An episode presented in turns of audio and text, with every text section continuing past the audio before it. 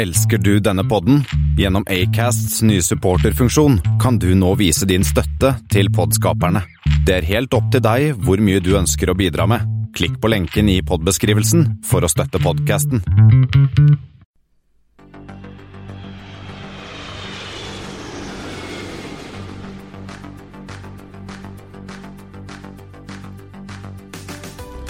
Hei og velkommen til Flypoddens eh, Flight 38, der vi i dag skal snakke om Indonesia, Norwegian, Lufthansa, konkurser, Delta som får seg nye fly og mye mer.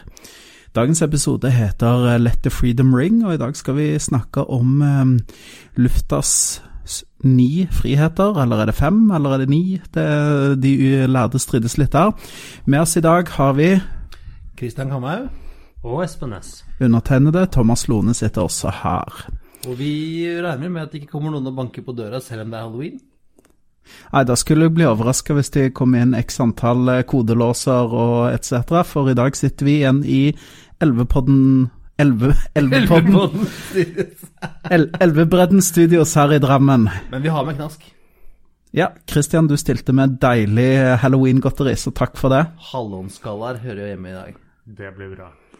Og så hadde jo du en flott uh, utkledning når du kom hit, så den må vi ta og legge ut et bilde av Halloween-Christian på tur. Er det halloween, så er det halloween, Espen, eller hva? Ja, kjør på, sier jeg.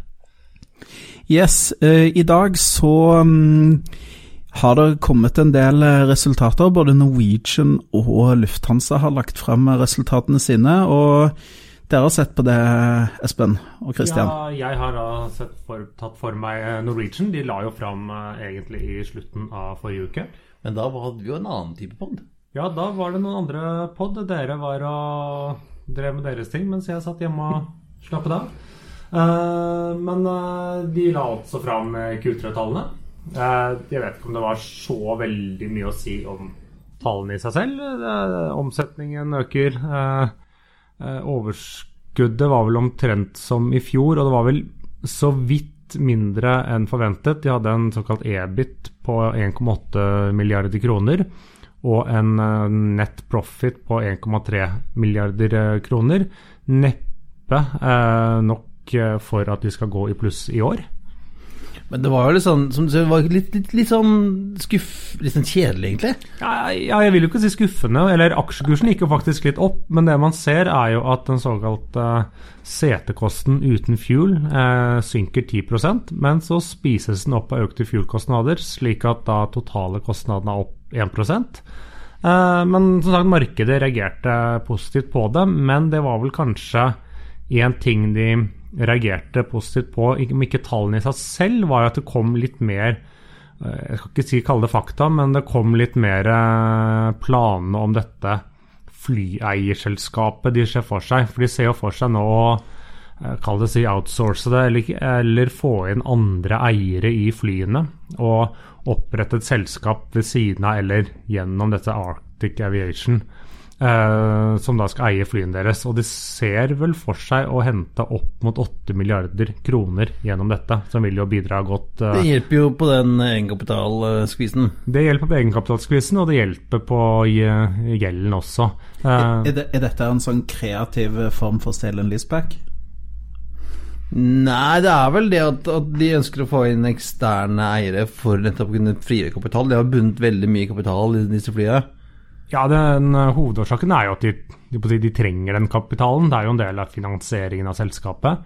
Uh, og når de da nærmer seg disse nedre grensene hvor mye både egenkapital og cash de uh, kan ha, så må man jo finne måter å, å få inn dette på. for det er jo ikke ønskelig å ha en ny emisjon som de hadde måttet ha i fjor.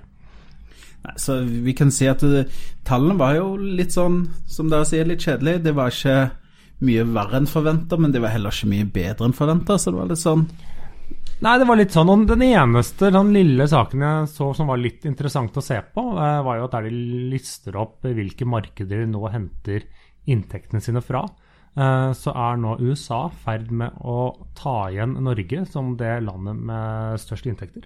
Ok, sant. Og det holdt jeg på å si rimer jo godt med at Norwegian nå ble vel største aktør i New York fra Europa tok over tronen fra British Airways. Ja, det er langdistansesatsingen her. Og den har jo også en annen litt positiv effekt. Det er jo at eh, Norwegian som flyselskap har eh, eh, forholdsmessig store kostnader i dollar. Og da er det jo egentlig fint å kunne få øke inntektene sine i dollar, for de betaler jo flybensin, de betaler flyleasing og masse annet i dollar. Eh, og da gjør man jo seg mindre sårbar mot eh, valutasvingninger. Yes, så da tenker jeg at vi går videre, Christian, til uh, våre venner i Tyskland, Lufthansa. Ja, Lufthansa slapp ut tallene sine i dag, og de var jo kjempe Altså ganske Det er litt større forhold der. Uh, Lufthansas uh, resultat for de første ni månedene var vel sånn som 2,4 milliarder euro. Det er, mye, det er mye penger. Det er, det er kanonbra. ja. Eh, og det er omtrent, omtrent eh, som i fjor. Eh, det har blitt, eh, blitt, redusert en del eh, med kapasiteten i, i, Tyskland etter Air Berlin. Eh, og Lufthansa gjør det bra, Swiss gjør det bra, Austrian så der. og Eurowings gjør det ganske dårlig. Ja, det, At Eurowings gjør, gjør det dårlig De har jo Uh, ja, For det første så har jo de uh, investert voldsomt og er jo i en vekstfase som i seg selv uh, er dyrt og ofte tar litt tid før man tjener penger på. Det er jo bare å se på Norwegian. Men det hjelper jo kanskje ikke akkurat at de da tok over store deler av Air Berlin, og tar litt tid å få det gå rundt. Nei, det kosta et par hundre millioner, og så hadde jo Lufthansa, en hele gruppen, en økt fuel-regning på en sånn røft en halv milliard euro. Det er, litt, det er penger det, Espen? Ja, det er litt, litt penger det, ja. Men uh, som var inne på Eurowings, så tar det nok litt tid før de også da tjener penger, når de da skal ta inn hele denne Air Berlin-produksjonen. For det var jo ikke akkurat en ferdig slipt diamant de overtok. Nei, på ingen måte. Så um, Norwegian ålreit. Eh, Lufthansa ganske, også ganske ålreit. De var uh, hadde rekordresultat i fjor, og de ligger omtrent på linje med det, på tross av uh, høyere fuel og restruktureringen av hele tyske markedet. Så det er tommel opp for, uh, for Mr. Spår der. Gjør, gjør det bra. Ja, det er klart. Eh, Q3, klarer man ikke å gjøre gode penger da, da er det bare å eh, legge ned butikken, som vi har snakka om før. Ja, jeg skulle bare, jeg skulle bare mangle Q3 er jo det, er jo indrefileten. Eh, og det er jo en del selskaper som på en måte har slitt eh, en stund eh, nå. Eh, hvis de klarer å tjene penger nå i dette, i dette markedet, med de fuelprisene som vi har hatt, da blir det tungt når vi nærmer oss 80. Ja, og det kan vi jo tilbake til meg. Jeg elsker jo konkurser. uh, og det har jo vært Nå er det jo to uker siden forrige gang vi hadde vanlig innspilling, og siden den gang så har da kypriotiske Cobalt Air uh, gått konkurs. Ja, den nyheten kom vel sist gang vi, vi var på vei tilbake igjen etter å ha spilt inn, Espen, så kommer den akkurat da i bilen. Ja, jeg lurer på det, og det var også litt sånn at uh, flyene gikk, og så gikk det ikke mer. Sånn eh, eh, De fløy, og så var det noen som skulle uh, ta det. Og jeg, der, jeg lurte meg, hørte på en eller annen pott, jeg har ikke fått verifisert det, var jo at det var en som hadde skulle fly med Cobalt Air via basen deres og gjennom videre. Og flyselskapet gikk konkurs mens han var i transfer. ok, det, det, er ganske ille. Eh, ja, jeg forsto det sånn, eh, så får man se. Jeg har ikke helt fått bekreftet om det stemte. Men dette var jo også, hvis vi kommer, går tilbake til det, dette var jo klassisk, det var et relativt lite selskap. Eh, de hadde, de hadde ikke mange fly, de hadde en seks-sju fly. Airbus 319 og Airbus 320. og det var et relativt ungt selskap, så de hadde liksom ikke kommet over denne kritiske massen. Kommet egentlig, fått bygd et solid fundament. Og når da det kom da økte fuelpriser og andre eh, eksterne faktorer, så hjalp det ikke mer. Og de, eh, de, Cobalt Air er jo også et selskap som ble grunnlagt for en to-tre år siden når disse Cyprus Airways, eller Airlines Cyprus ikke. ja, De gikk jo konkurs, og da dukket bl.a. disse opp. Og de, da, de varte jo ikke da veldig lenge. Uh, og så er det jo andre selskaper hvor man har sett uh, former for konkurs i det siste. Man har bl.a. dette Small Planet, som egentlig består av ja. Det har vel i hvert fall vært tre. Det var ja, et polsk og et tysk og et uh, litauisk. Ja, det, det, er jo egentlig fra Litauen, og jeg tror den litauiske delen gjør det ok i seg selv. Men den tyske delen har søkt om konkurs og restrukturering. Jeg er litt usikker på om de faktisk flyr ennå. Nei, jeg tror tyskerne er, bort, er ute. Ja, mulig. Og så er det en polsk del, hvor de nå parkerer store deler av flåten, og hvor de da må Enten så vet de ikke om de skal legges ned eller hva skal fortsette, jeg er ikke helt sikker. Men det er også da disse store tapene har gjort sånn at morselskapet i Litauen har måttet nå gå inn i en slags restruktureringsprosess. Jeg er ikke helt sikker, men jeg lurer på om de har en sånn mini-chapter 11 borti Litauen der. Ja, altså Disse Small Planet Airlines har jo vært litt å se på flyplasser rundt i Norge òg. De har flydd en del eh, charter eh, her til lands, har det ikke det? Det har vært noen wetlease for Norwegian òg. Ja, de har fløyet for Norwegian, og så tror jeg også de flyr litt sånn charter for ja, disse andre turoperatørene når det trengs. Og så har de vel faktisk fløyet litt for Forsvaret. Eh, de har vel en sånn der rekruttcharter opp til Bardufoss i ny og ne, eller noe sånt noe. Men går dette bra, Espen? Det vet jeg ikke. Men det spås, og det er ikke verdens heftigste bet å si at det er flere som kommer til å gå konkurs. Og så får man jo se hvem det blir og hvordan det Men det skal jo sies, vi har ikke hatt de store konkursene i år. Primera, Cobalt, relativt små selskaper. Mm. man har ikke hatt de der Sånn som når Air Berlin gikk konkurs i fjor, da snakker vi et stort selskap som gjerne har en 50-100 fly og litt, er litt størrelse på. Det var også Monarch i fjor, som var um, kanskje Ja takk, det vet jeg alt om. Ja, det vet du mye om, ja. Som også var litt. Så får man se, og man ser jo det er mange som sliter. Dette var jo varslet litt tidligere, men i dag eller i går så la jo Islander fram sin um, tredje kvartalstall. Og de tjener penger, eh, og eh, gjør det i og for seg bra, men de gjør det dårligere enn hva de har lovet investorene sine. Så de er nå i brudd med lånevilkårene sine i et obligasjonslån og må rett og slett gå til de og spørre om å få endre dem. Og det er jo ikke gratis. Kan vi tenke oss det at disse her finansieringsselskapene og sånn har vært litt for lemfeldige med kreditten? Det har vært gått oppover, og det har liksom Ja, det, det har vært positive signaler i flybransjen hele tiden. og så kan vi ikke akkurat si at verden står inne i en krise. Børsene går jo og svinger litt opp og ned, de går oppover, finansmarkedene er relativt greit. Men eneste er litt eh, volatil fuelpris, så, så, er det liksom eh, mange som Sånn små, mellomstore, litt svakere flyselskap som bukker under. Eh, det, altså det er jo det i flybransjen. Altså det er jo, marginene er jo ørsmå. Og det er, sånn, det er jo ikke lange veien fra, fra, det, fra himmelen til helvete, egentlig, i den bransjen her. Eh, så når du får som høyere fuelpris, eh, litt mer usikkerhet, eh, kanskje noen færre at En liten nedgang i, i passasjerantallet, f.eks. Litt mindre etterspørsel. Vi ser det i Norge nå, regner vi med at vi får litt mindre etterspørsel i Norge, bl.a. fordi at vi får økt, høyere rente. Så skal, det er ikke mye som skal til, altså. Ja, Men jeg vil si at uh, I hvert fall når du er på marginen, ja, som disse. Fuel-prisen, den kan man skylde på, men Europa i hvert fall da, går relativt bra nå, unntatt liksom et par land. La oss si Italia, men der er det jo alltid mye rart. Men de går jo relativt bra, og det er jo det vi glemte å nevne, eller å snakke om nå, er jo rett og slett at det er en overkapasitet. Det er for mange som ønsker å drive flyselskap, og det er for lett å få finansiering. Og Man ser jo det, man liksom spør seg ja, hvordan skal de få råd til å kjøpe nye fly, hvordan skal uh, Y kunne betale for det. Og det har jo vist seg de siste årene er det, det er knapt nok noen ting som er lettere å finansiere enn et fly. Og det tar oss over til neste post på programmet. Noen som har finansiert og kjøpt en uhorvelig mengde fly. De må jo kanskje være Boeings beste kunde de siste årene. Lion Air Indonesia. Hva er det de har kjøpt? 200-400 fly fra Boeing? Det er noe helt absindig. Altså Når du brekker fem, et par stykker i året, så trenger du jo en, et bra påfyll med fly, da.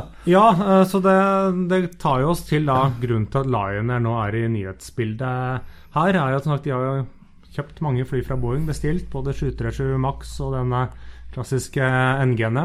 Mm.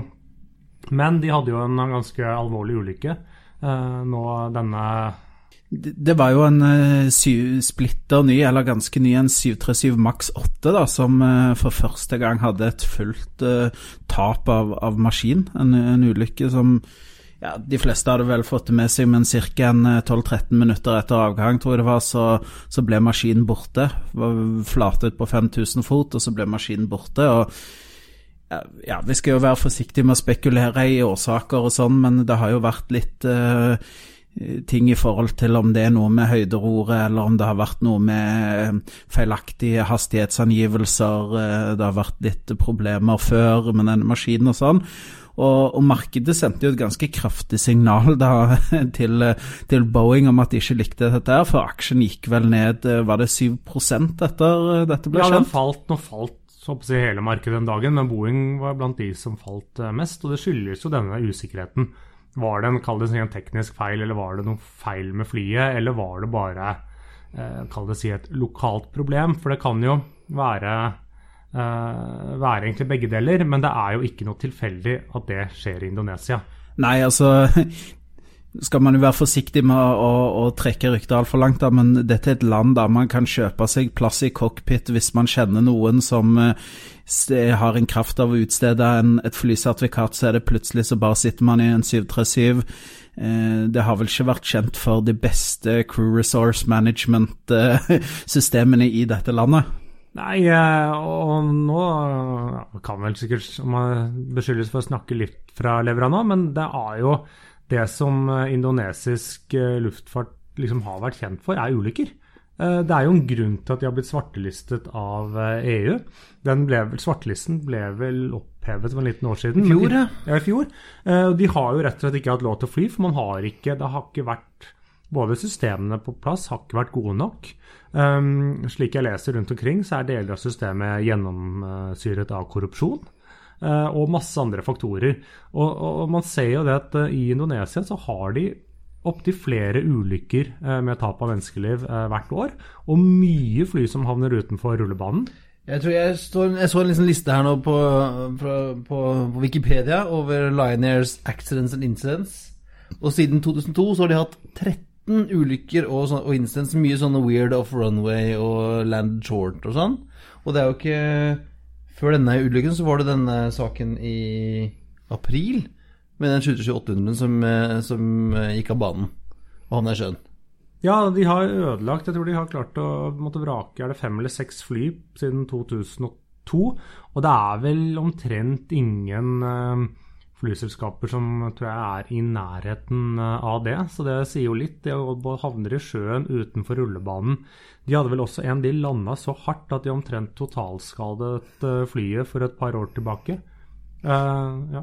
Jeg lurer på de som forhandler flyforsikring når Lion Ringer skal forsikre flyene sine. Da, da vil vi vel nok anta at de tar en liten premium, for å si det sånn. fordi at statistisk sett, da, sannsynligheten for å havne i en flyulykke hvis du setter deg i et indonesisk flyselskap, og kanskje um, her Air spesielt, er jo relativt mye høyere enn om du flyr SAS eller Norwegian eller til og med Ryanair, som folk har kritisert for dårlig sikkerhetskultur her i, i, i Europa. De har jo aldri hatt en ulykke. Altså, så, så jeg personlig ville vært faktisk ganske forsiktig med å sette meg i en liner-maskin, jeg, altså. Ja, det er noen land jeg ville vært forsiktig med å fly. Det er som Indonesia, én. Eh, Kongo, Nigeria. Det er et par av disse landene hvor jeg tenkte at hm, kanskje jeg skal ikke reise dit, og i hvert fall ikke fly dit.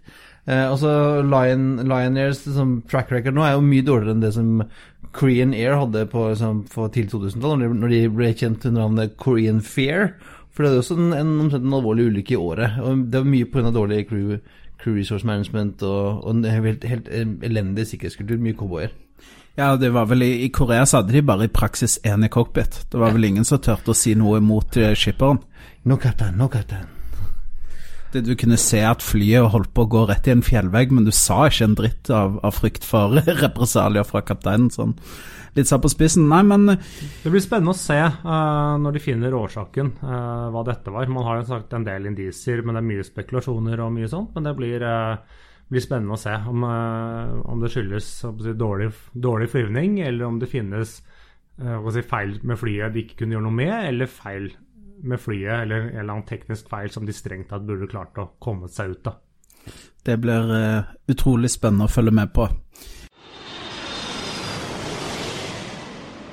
En annen ting som er å følge med på, som er kanskje litt sånn uh, luftfartens uh, versjon av The Kardashians, eller uh, hva man skal kalle det, det er jo One World, Christian. Og der krangelen fortsetter. Og hvem er det som tar hovedrollene der? Det er jo vår gamle venn Abu al-Bakar, Mr. Qatar Airways, som er ute og slenger med leppa igjen. Han mener at Qatar Airways ikke får nok av alliansen, og at, eh, at eh, vennene i One World, såkalte vennene, eh, ikke er venner. Amerikan, American Airlines har gått hardt ut mot Qatar Airways. Mener at de omgår dette Fit Freedom-regimet med at de feeder passasjerer gjennom Air Italy i Milano til USA fra, fra Doha. Eh, og da er, blir, blir Abu al-Bakar sint da, og sur og sier at ja, da kan de like gjerne trekke seg ut av hele, hele, hele One World. Eh, og, og det kan vel godt hende at de gjør det, for at de har ikke ikke så mye tjene på å være, være med der. Jeg vet ikke, men samtidig så er de jo storeier i flere av flyselskapene i alliansen. Eh, Men dette er jo typisk da han eh, Qatar-sjefen, er at han slenger litt med leppa, og han slenger med leppa offentlig. Eh, Det er ikke bare over lunsjen nede i Doha der. Men det skal jo sies at det er jo en litt sånn oppfatning der ute, en misforståelse, er at flyselskaper i en allianse er venner. Det er feil. Til tider så samarbeider de. Til tider så konkurrerer de. Det er et eksempel nå på SAS og Lufthansa, som er konkurrenter, men de har samtidig en god tone. Og man ser også innenfor disse alliansene forskjellige flyselskaper som rett og slett er uvenner. Uh, OneWorld er et godt eksempel mellom er det eh, Cathay og Qantas. Eh, nå begynner, tror jeg de nå har faktisk etter hvert i allianse mange år begynt å codeshare litt, men de har alltid vært litt sånn ikke likt hverandre. Jeg tror Cathay og British Airways har også hatt store samarbeidsproblemer.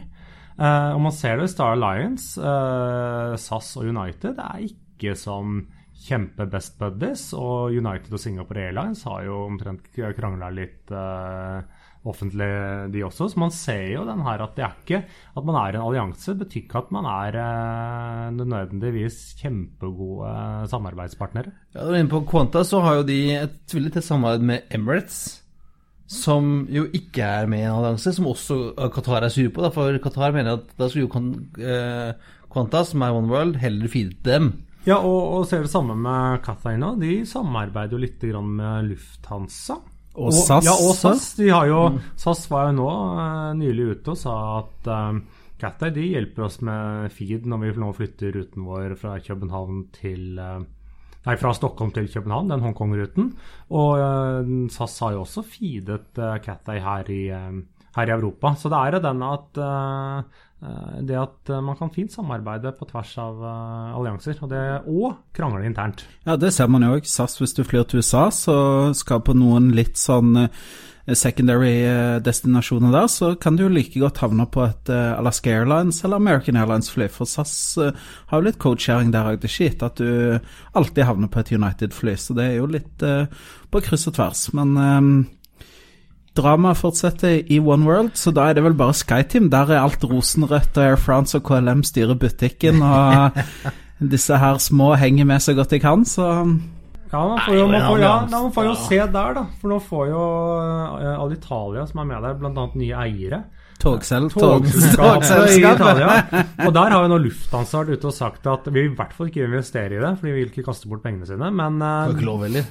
Nei, det er én ting, men de har sagt at de var ute og de ønsker et eller annet samarbeid og inngå liksom forpliktende og dypt uh, samarbeid. Så får man se, se hva som skjer. Lufthansa har jo alltid hatt en fascinasjon for det italienske markedet. Du hadde jo dette Lufthansa i Milano, Italy, ja. i Mhm. Italy sin tid, og Uh, disse Air Dolomittene, er ikke de òg? Er Lufthansa. Air Dolomiti er fulleid av Lufthansa, men det har jo Lufthansa, italienske markedet er viktig for Lufthansa, for de har jo enorm feed fra hele Italia inn til eh, sitt nett, eh, nettverk. Og det er jo litt, eh, litt drevet av at det italienske selskapet selv ikke akkurat er verdens mest veldrevne, eller har en struktur som kanskje og rutestruktur som er så bra for å faktisk kunne betjene hele landet.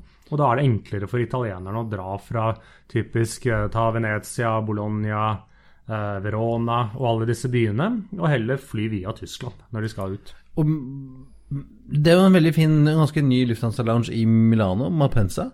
Eh, det er vel ikke så veldig mange andre Lufthansa-lounger utenfor Tyskland og UK i Europa? er det? Ikke som jeg vet om. Nei, det tror jeg ikke. Så det er tydeligvis at det er et satsingsområde. Og det er en av de få loungene i verden hvor man kan- kan få nystekt pizza, faktisk.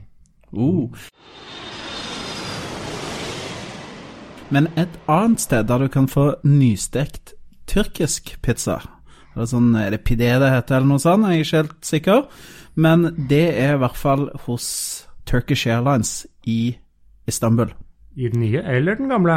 Eh, I den nye vet jeg ikke, men i hvert fall i den gamle. Men nå har de i hvert fall åpna den eh, nye Istanbul lufthavn. En som heter Istanbul New Airport, er det det? Ja, eller Nei, det ble- Erdogan International Nei, Airport. det ble ikke Erdogan International, det ble faktisk rett og slett eh, Istanbul Airport eller Istanbul International Airport. Så var det et sånt, litt sånn selvforklarende navn. Atatürk er borte, og Erdogan fikk ikke lov å være med, så da ble det Istanbul Airport. Men den har åpna. Nå eh, 29. oktober så var det første flighten. Det var eh, en 777 fra 300 ER som gikk fra Istanbul til Ankara. Og de har åpna fem ruter der, Espen. Ja, de begynner jo litt forsiktig. De begynte faktisk i dag. Ikke Ja, det var selve Ja, åpnings de hadde en åpningsseremoni. Jeg bare så noen bilder fra det, hvor han president Ergoran kjørte rundt med golfbil sammen med kona på flyplassen. Uh, men så hadde de da liksom første flighten i dag. Og det er jo en forsiktig åpning. De skal fly fem daglige flighter til litt sånn destinasjoner rundt omkring. Ja, det er fire innenriksdestinasjoner. Eh, Ankara, eh, Antalya, Erkan og Izmir, én daglig.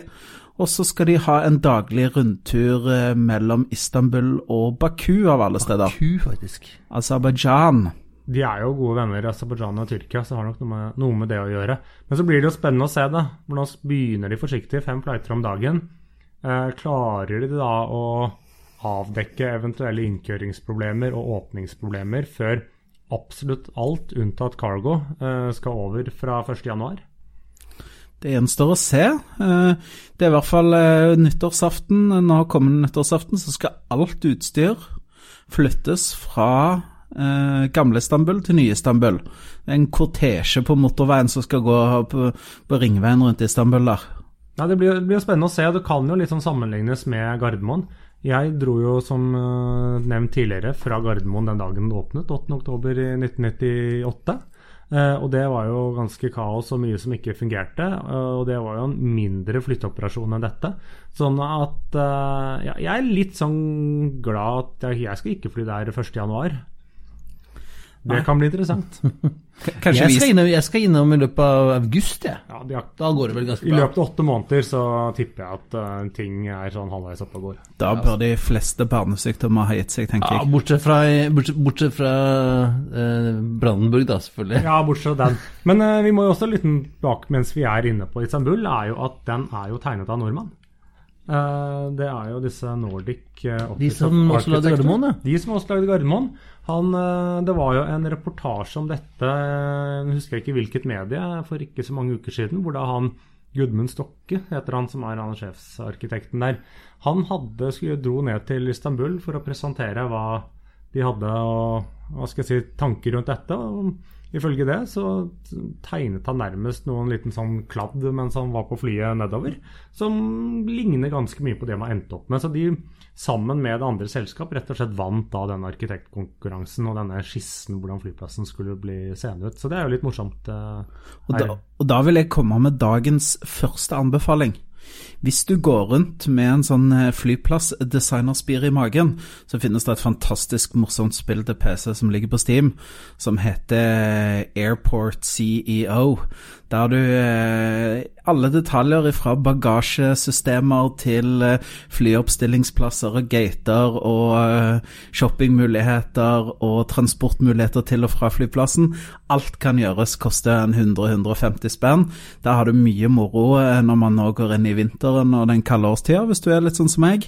Ikke helt venner med skiene, så er Airport CEO, eller så er det, det er et annet spill òg som er ganske likt, som er, som er Det er relativt nye spill som er utrolig morsomme. Men eh, noen har fått ny flyplass, mens andre de har fått en ny flytype. Eller i hvert fall første for det selskapet. Ja, Delta har jo fått en av mine favoritter. av vel, Det er vel, det er vel alles favoritt, er det ikke det? Men ingen av oss har fløyet denne? Nei, jeg, jeg skulle, men eh, det ødela noen franske flyveledere, så det er mye. Men uh... En Airbus A320-100 har nå blitt eh, levert til Delta. Eh, og det var en storstilt eh, markering i en hangar med masse prominente folk, og flyet sto på utstilling. Ja, jeg syns jo det ser ganske bra ut. Eh, hva tenker du? Eh, design og eh, jeg holdt på å si eh, ekspert Christian Kamhaug. Det er jo nydelig. Det er jo en, en flott maskin, denne tidligere C-Series. Eh, som eh, bygges da i, i Canada. Eh, se på disse bildene så er det bilder både canadiske flagg og Quebec sitt flagg og litt av hvert. Og det er jo en, en flott eh, liten maskin. Den er nydelig. Og den, eh, for oss som er økonomer, Espen, så er det jo en, det er en pengemaskin. Ja, Påstår for, de, for, ja, for de som De har som den. har fått den i nå, er fornøyde, sier den har bra driftskostnader eh, og, og går bra. Men de som dette er en maskin som har en litt si, bråkete historie rent økonomisk for produsenten. Uh, dette var jo Bombardier sin sånn entry inn til en litt sånn større flytype, og det gikk veldig galt. De hadde enorme overskridelser. De fikk ikke De fikk solgt den, men de fikk ikke solgt nok. Eh, og så ble jo denne etter hvert overtatt av eh, Airbus. Men ordren fra Delta kom jo før dette, og utløste jo nærmest en handelskrig mellom USA og Canada. Eh, Delta har da bestilt 75 stykker, i tillegg til 50 opsjoner, hvorav deler av ordren kan eventuelt endres til den større modellen, da A220-300. Eh, men eh, det ble jo da viftet med beskyldninger om ulovlig subsidiering. eh, og det kom ganske langt i det amerikanske systemet, eh, hvor man da innførte bl.a. en importskatt på 300% på dette flyet. Det sier seg selv. Det blir ikke noe av det. 300, 300 moms, det er jo lignende norsk Eller importere landbruksprodukter til Norge. Det er jo en sånn alt fra 100 til 500% moms på, på landbruks, utenlandske landbruksprodukter som skal inn til Norge. Ja, så det, og det, så det skapte jo mye, og den ble jo, gikk jo høyt opp. Og faktisk eh, litt overraskende for et år siden. Alle var sikre på at nå kom denne importskatten. Så eh, i da siste instans, eh, jeg husker ikke hva den heter, eh, i det amerikanske kall det si, handelssystemet, så ble det da eh, ble denne avlyst. Eh, så da kunne jo nå Delta begynne å ta, men innen, siden den gang så har jo Airbus tatt over eh, majoriteten av programmet, og dermed bytta navn på flyet. Så det var vel snakk om også at, vi, at den skulle bygges i Mobile, Alabama, for nettopp å unngå denne importskatten? Ikke bare snakk. eh, Endelig avtalen er ikke på plass enda, men eh, Airbus sier nå at de forventer å bygge første flyet der eh, fra med er det enten 2020 med levering i 2021. For Airbus har jo allerede en fabrikk som produserer Airbus A320 der nede, så det er i forbindelse med den. Så det vil jo faktisk bli en sånn Made in America-fly. og det er jo... America first. America First, ja. Og det er jo store amerikanske um, flyselskaper som nå har bestilt den. Det er jo Delta med en stor ordre. JetBlue er en av de største ordrene. Og dette nye selskapet han ja, Selskap som kalles Moxie, men som ikke skal hete Moxie. Eh, har jo planer om å bestille mye av dette. Så det er jo viktig amerikansk, for amerikanske kunder.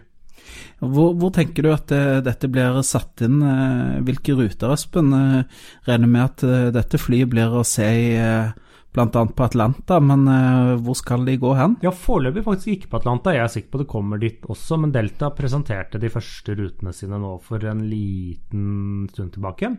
De har jo tatt levering av første flyet, men amerikanske selskaper av en eller annen grunn bruker veldig lang tid på å sette nye fly i drift. Jeg vet ikke om de venter til de får flere eller litt sånne ting, så de skal jo ikke begynne å fly før i februar. It's a union issue. It's a union issue. Så litt sånn var det noe sånn LaGuardia Boston og litt sånne ting, men det var mye litt sånn tyngre men Nei, tynnere, lengre ruter, men ikke regional-ruter. Det var litt sånn var det litt sånn der LaGuardia til Dallas eh, eh, Den type ting. Eh, ruter som da var sånn to, tre, fire timer, eh, som det er litt lengde på, hvor da drivstoffbesparelser kanskje blir viktigere, eh, men hvor de kanskje ikke er store nok til å fylle en 737 samtidig som de ønsker å ha en veldig høy frekvens. Atlanta Rapid City, der med andre ord. Neida. Yes, men eh, da får vi gratulere Delta og Airbus-Bombardier med, med dette flyet. Eh, Og apropos nye fly. Heathrow. Vi, vi, snakket om det litt i forrige pod, så ble det nevnt i, i debatten. Heathrow har jo gjort eh, noen grep for å framstå litt mer grønne og progressive, Christian. Ja, det, alle vil jo være grønne nå, alle driver med greenwashing. Det, vi, la oss bare innse at, at, et flyselskap som kaller seg miljøvennlig, de ljuger, for det er jo ikke det. Eh, men nå har jo London Heathrow sagt at de ønsker å ha inn eh, ny teknologi. Så de har sagt at det første flyselskapet som kommer med et fly i, som er elektrisk eller hybrid, skal få gratis, eh, lande gratis på Heathrow et år. Og det er vel en million pund eller noe man sparer på det. da. Det er jo et lite insentiv, da, men eh, det blir vel en, eh, en pølse i slaktetida. Eh, ja, det er mer enn PR-ting også, tror jeg.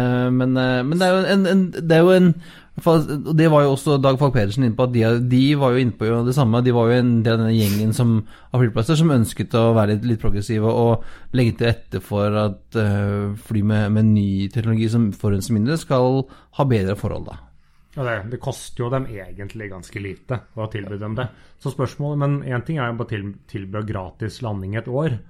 Først må man jo få tak i den slåtten på Heathrow. Det er jo ikke bare bare. Den tror jeg de klarer å finne. Kanskje. Og det, skal, det, trenger ikke storeplassen hvis det, hvis det eneste du kan få er det der, den tosetteren til Dag Falk Pedersen. Så er, det trenger du ikke, du trenger ikke rare slåtten da. Du kan lande på tarmac med den greia der. Ja, men den flyr så, ikke den så sakte at den eh, tar opp plassen til som kunne brukt til en håndfull andre fly som skulle jo, lande. Kan den bare lande ned der, der Concorden står? Kan være for, første landing på den nye rullebanen på Heathrow. Det er Dag Falk Pettersen som kommer i den uh, fine elflyet. Nei, men, eh... men, det, er jo, det, er jo, altså det, det er jo, fint at, at, man setter fokus på det, og at man snakker om, om teknologien. Eh, at det faktisk er jo Det var jo også flere av debattdeltakerne inne på når vi hadde i forrige gang, så om at teknologien er jo Om ikke den er der akkurat nå, så er den der like rundt hjørnet. Det, om vi inn på 2020-tallet, ganske tidlig på 2020-tallet, kommer til å se hybridfly, er jeg ganske sikker på. Ja, det kommer, men nå vet bare ikke helt når, er vel egentlig Ja. Men litt vi... som uh, har, litt som KrF i regjering. Det kommer en gang, men ikke helt når eller, hvor eller hva. Men vi må videre, gutter. Oh. Yes. Så har det så strengt, Thomas. Ja, jeg vet det. vet. Vi må, vi må Ellers så drar du ut dette her. Um, flyselskap som f.eks. flyr til Heathrow, som vi snakket om, må jo forholde seg til noe som um, eh, kalles de eh, fem luftens fem friheter, eller ni. Eller det er litt sånn Det er vel fem offisielle, og så er det et tillegg på fire som er litt sånn uoffisielle, men det er begreper som blir brukt, og, og der, dette er dag, dagens hovedtema. Luftens friheter. Um, Forklar litt om dette, Kristian. Hva, hva, er disse frihetene? Dette kommer jo helt tilbake fra uh, The Convention on International Civil Aviation fra 1944, også kalt Chicago-konvensjonen.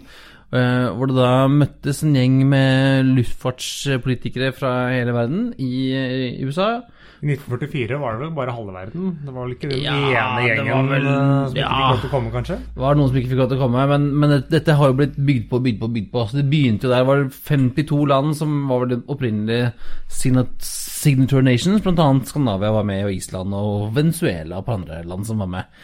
Ja, og flere har kommet til. Sør-Sudan var den siste som skrev under i 2011, tror jeg.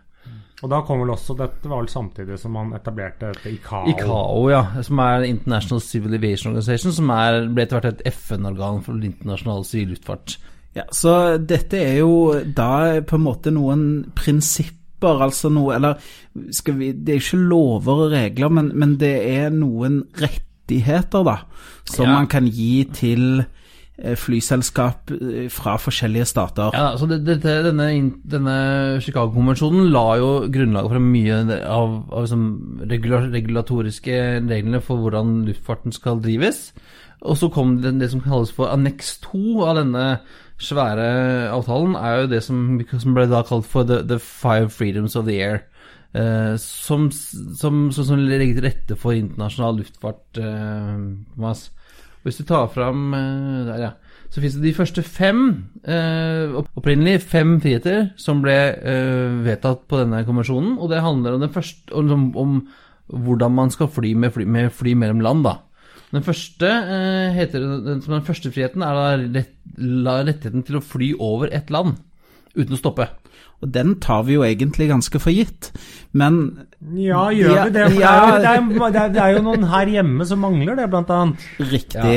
Så det, man skal egentlig, Den første friheten er at ethvert fly skal kunne fly over, over litt av land. Man skal kunne fly fra Norge til Finland over Sverige uten noe problem. Men Espen, det er ikke alltid det er sånn. Nei, fordi at eh, Norwegian blant annet, de ble jo da nekta å fly over deler av Russland. Som de er jo da kjempelei seg for. Og det er derfor da at eh, Russland nekter å gi de da, pga. politiske grunner osv., nekter da å gi de eh, eh, disse first freedom rights. Ja. Altså, de, de har jo fått noen, en begrensa del. De får lov å fly over eh, litt sånn sørvestlige deler av Russland når de skal til Bangkok, men det er på en måte that's it. Uh, og det, det er et stort tru- Det som man ofte da tar for gitt, at bare fly kan fly hvor som helst, det er jo, eh, det er jo eh, førstefriheten, og, det, og, og den er ofte da veldig politisk. Altså, du har jo andre flyselskaper i andre deler av verden, f.eks. sånn som El Al fra Israel. De kan jo rett og slett ikke fly hvor de vil. Nei, de er jo mange av de arabiske landene naboene som nekter dem å fly over sitt luftrom. Så for å komme som østover, så må de jo en, en ordentlig omvei jeg tror rundt over Tyrkia greier. De må fly. Eh, og så er det jo Qatar, eh, Qatar er jo også nektet å nå fly over Saudi-Arabia, f.eks. Så når de skal f.eks. fra Qatar til Algerie, Så Så- de opp og rundt, og så den ordentlige rundturen som, som tar flere timer ekstra. Ja, så hadde jo den klassiske fra, eh, fra tidligere på 70-80-tallet med South African under eh, apartheid, som ikke fikk lov til å fly over ganske mange afrikanske land. Uh, men de løste jo det ved å kjøpe disse Boeing 747 747 SP-maskinene. Kunne fly langs utsida av hele Fløy rundt hele Afrika, og så til Europa. fantastisk fly for øvrig. Nydelig. Eh, og så har vi den andre friheten.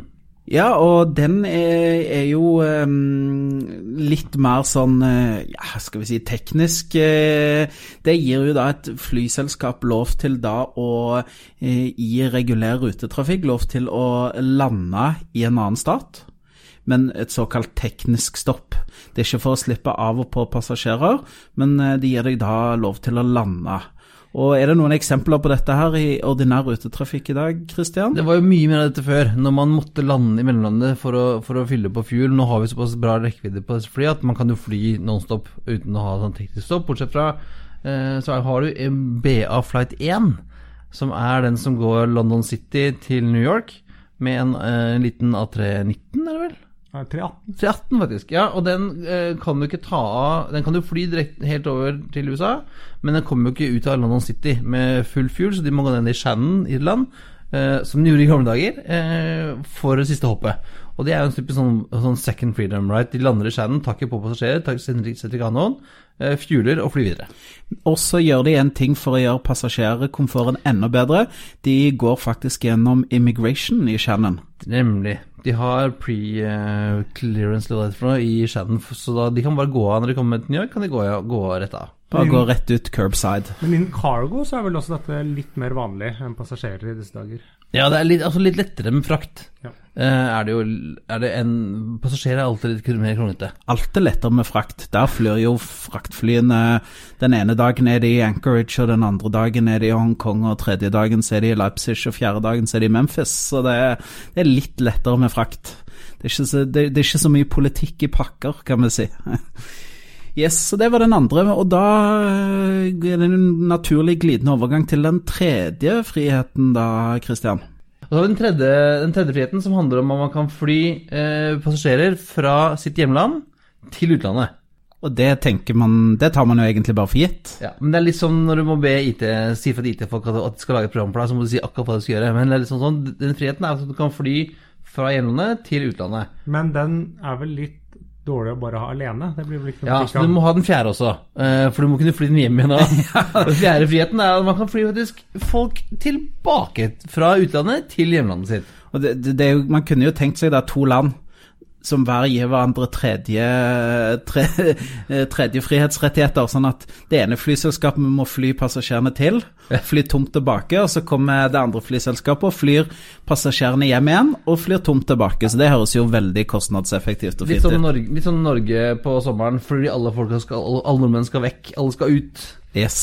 Uh, så det er vel tredje fjerde, de henger jo sammen. Så har du femtefriheten, som vi har snakket om litt før, Thomas. Den er jo en god del i bruk faktisk fortsatt. Det er det morsomste. Ja, det, det, blant de morsomme. Der er en av disse litt lenger nede i, i leksa som også er litt eh, spennende. Men eh, de såkalte Og der har vi jo en egen terminologi. Fifth Freedom roots er jo et eget begrep. Fordi at det er en del eh, ruter som faktisk flys eh, som dette i dag. Ja, og en femtefriheten betyr at du kan frakte passasjerer fra, et, fra liksom land eh, to til et tredje land. Så du kan, eh, sånn som Etiopia for eksempel, er jo denne ruta deres som går Addis, Oslo, Stockholm, så er jo det siste, det siste legget, Stockholm, eh, Oslo-Stockholm, er jo den Fifth Freedom. Du kan fly mellom to tredjeland. Ja, og det er fordi de har lov til å ta passasjerer, men hadde de ikke fått lov til det, som man også ser eksempler på, så hadde det ikke Da hadde vi vært tilbake på en uh, second freedom, tenker jeg. Ja, og og det, så finnes det jo andre eksempler. Etiopien bruker jo dette mye. De flyr vel eh, fra Addis til eh, Los Angeles via Dublin. Og der kan man fly da Dublin-Los Angeles. Og tidligere hadde vi også Varig som fløy København-London til Brasil. Pia fløy en periode Oslo-København-Lahore. Ja, det gjør de fortsatt, men de har, Men da har, har du ikke fått lov til å Fifth Freedom, da? Nei, de har ikke fått lov til å ha passasjerer internt til Skandinavia. Men Og, og så har du jo Singapore Airlines. De har jo litt uh, Fifth Freedom. Uh, de har vel eh, Arlanda, Moskva, Arlanda, Moskva og er det Manchester Houston? Houston Ja, det og Frankfurt, New York. Og SAS hadde jo en periode den eh, Bangkok-Singapore, som også var en Fifth Freedom, hvor du kunne fly Bangkok-Singapore. Ja, og Det ser man en del i Asia òg, for du har en del selskaper når de først er i Asia, så er det utrolig langt hjemmefra. Så du kan jo fly eh, Jeg vet det er flere selskaper som flyr eh, Bangkok-Hongkong som sånn Fifth Freedom-rute. Men det skyldes jo Én ting at de er langt hjemmefra, men det skyldes jo også at eh, landene der generelt har vært mer liberale eh, for det. Bl.a. Eh, Thailand, Singapore, eh, Korea tror jeg litt sånn også. At de har liksom tillatt dette. Eh, både pga. litt avstander. At for å komme over Stillehavet så måtte man ofte mellomlande, spesielt, eller spesielt før. da. Eh, men også det at de har det for å egentlig ønsker mest mulig trafikk, og for å støtte opp jeg, sånn turistindustrien og booste det. Mens andre land kanskje nekter det for å kanskje beskytte sitt hjemmeselskap. Ja, Det var jo ikke uten grunn til at både United og Delta bl.a. hadde huber i Tokyo. sant? Altså, De fløy jo fra hele Sørøst-Asia inn til Tokyo, og så fra Tokyo så til USA. Så, og Der hadde de også femte frihetsrettigheter. Så det var jo eh, Det, det er jo en kuriositet, sånn litt fra tilbake i tid, men det praktiseres jo fortsatt en, en god del eh, rundt om i verden.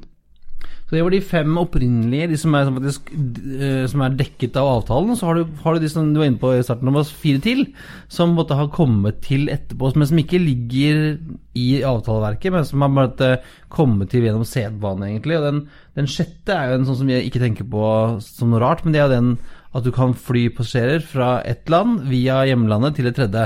At f.eks. for eksempel Finnair kan fly Oslo, Helsinki, Tokyo.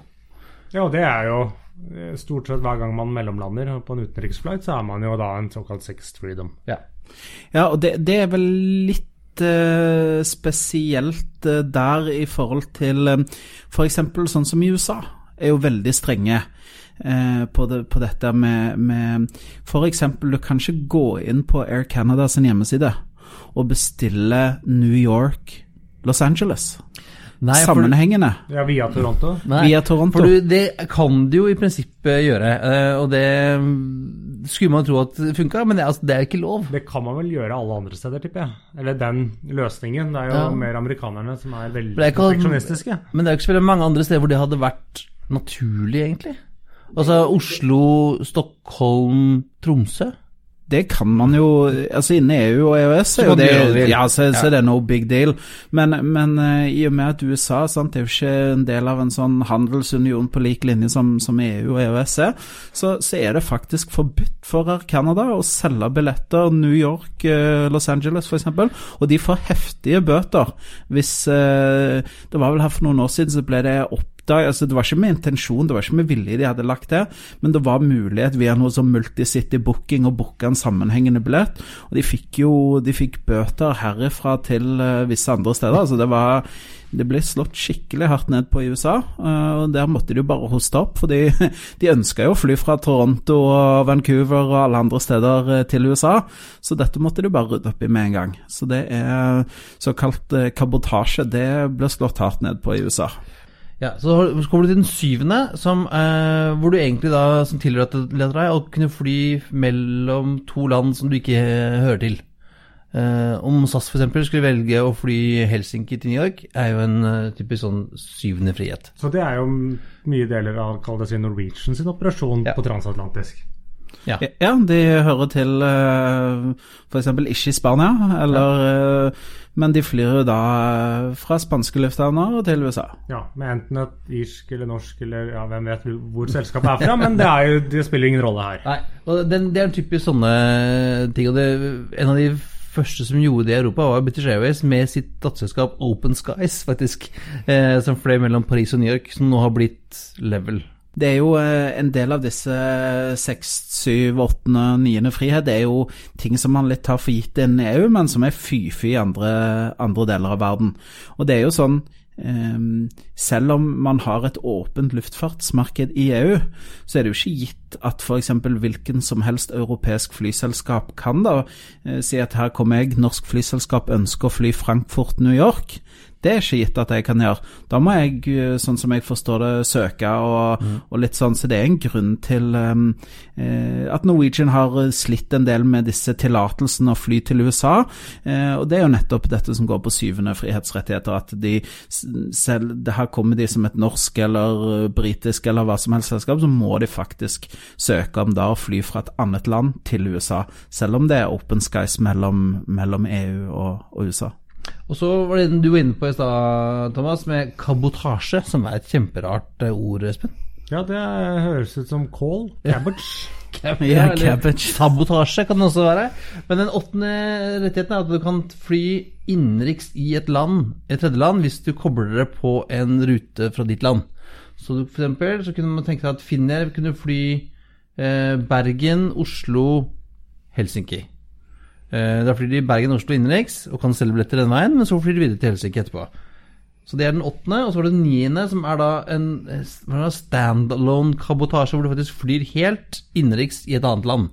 Uten at det henger sammen med noen av dine flyvninger. Og det, I Europa er jo alt lov. Ja, Eh, I Europa så er jo da et totalt åpent marked, så da kan du jo, har du jo rettigheten til både 1, 2, 3, 4, 5, 6, 7, 8, 9, så lenge du holder deg innenfor Europa. Ja, så så Ryder flyr innenriks i Italia og Spania, Norwegian flyr innenriks i Finland, vel. Eh, men skulle liksom eh, Andre deler i verden du ser dette, her er faktisk eh, Australia og New Zealand har jo et eh, felles ja. marked eh, innenfor luftfarten. Så du kan jo se da f.eks. australske Jetstar flyr jo da innenriks i eh, New Zealand. Kan fly mellom eh, Auckland og Wellington eller eh, Queenstown eller noe sånt med Jetstar, som er et australsk flyselskap, som har fly basert i New Zealand. Så det var den, de, de ni eh, rettighetene, de ni frihetene i luften. Eh, vi, skal, vi har eh, Thomas, du har funnet en veldig fin eh, sånn grafisk oppsett i hvordan dette funker. For du kan godt eh, snuble litt i hva som er hva, hva her, men vi legger ut den eh, i, eh, på flypodden.no. Det skal vi gjøre. Har du noen eh, favoritter, Kristian? Har du en favorittfrihet? Jeg liker jo femte, da. Jeg syns det er gøy med sånn femtefrihetsruter. Det var jo mye flere av de før. Det går jo litt sport i det. Det er jo noen av som er virkelig sånn eh, die hard flyentusiaster. De eh, setter jo nesten sin lit til å fly disse femte frihetsrutene. Ja, jeg forsøkte jo meg på det hjem fra London for et par år siden.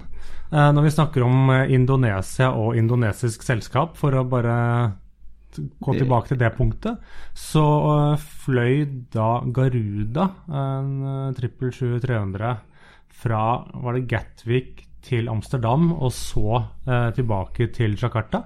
Og jeg tenkte at ja, jeg skal, skal være i London, og det har vært kult å prøve dem. Og jeg har booket faktisk billett. Eh, men så endret de avgangstid fra søndag til mandag, og da passet det plutselig dårlig. Eh, så jeg endte, med Sånn jeg endte jo med EasyJet til Amsterdam, for jeg hadde jo en billett hjem derfra med SAS. Men da fikk jeg dessverre ikke prøvd dem. Det hadde jo vært et noe morsomt eh, eksempel på en Fifth Freedom eh, som eh, man kunne prøve. Eller jeg vet ikke om de fortsatt opererer den måten. Jeg tror min, fri, min favoritt må være nummer én. Det er liksom det ultimate. Og, og få det til å fly over et annet land? Ja, å kunne fly i det hele tatt, det er fint. Men eh, skal vi sette strek, si at det var det vi hadde for eh, friheten, luftens fem eller ni friheter, om du vil, og gå videre til eh, ukens eh, anbefaling, for vi har en liten godbit der òg.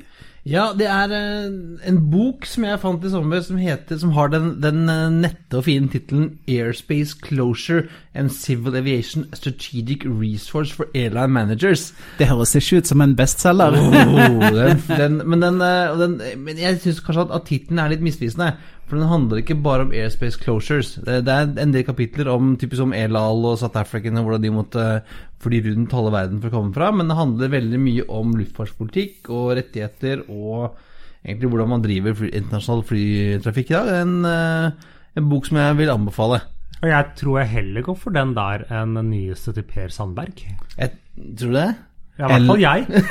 Eller uh, den nye, nyeste til Martha om sensitive barn. Kanskje det er noe for deg, Christian? Åh, nei. Nei.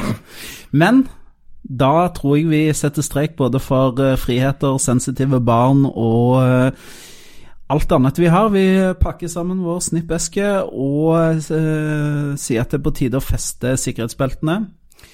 Rette opp stoleryggene og sørge for at du har frisikt ut av vinduet. Eh, Flight 38 eh, går nå inn for landing. Eh, som vanlig så finner du linker til det vi har snakket om i dag.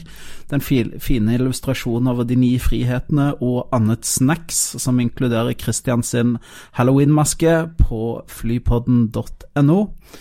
Du finner oss også på Facebook. Du finner oss på Twitter at Flypodden, Instagram at Flypodden. Og har du et spørsmål, vil du invitere oss på en flytur, ønsker du å sponse oss, gi oss ris, ros etc., så eh, kan du kontakte oss på hallo alfakrøllflypodden.no. Ha det bra. Ha det. Hei da. We thank you for flying with us today. We truly appreciate your business and look forward to serving you on a future flight.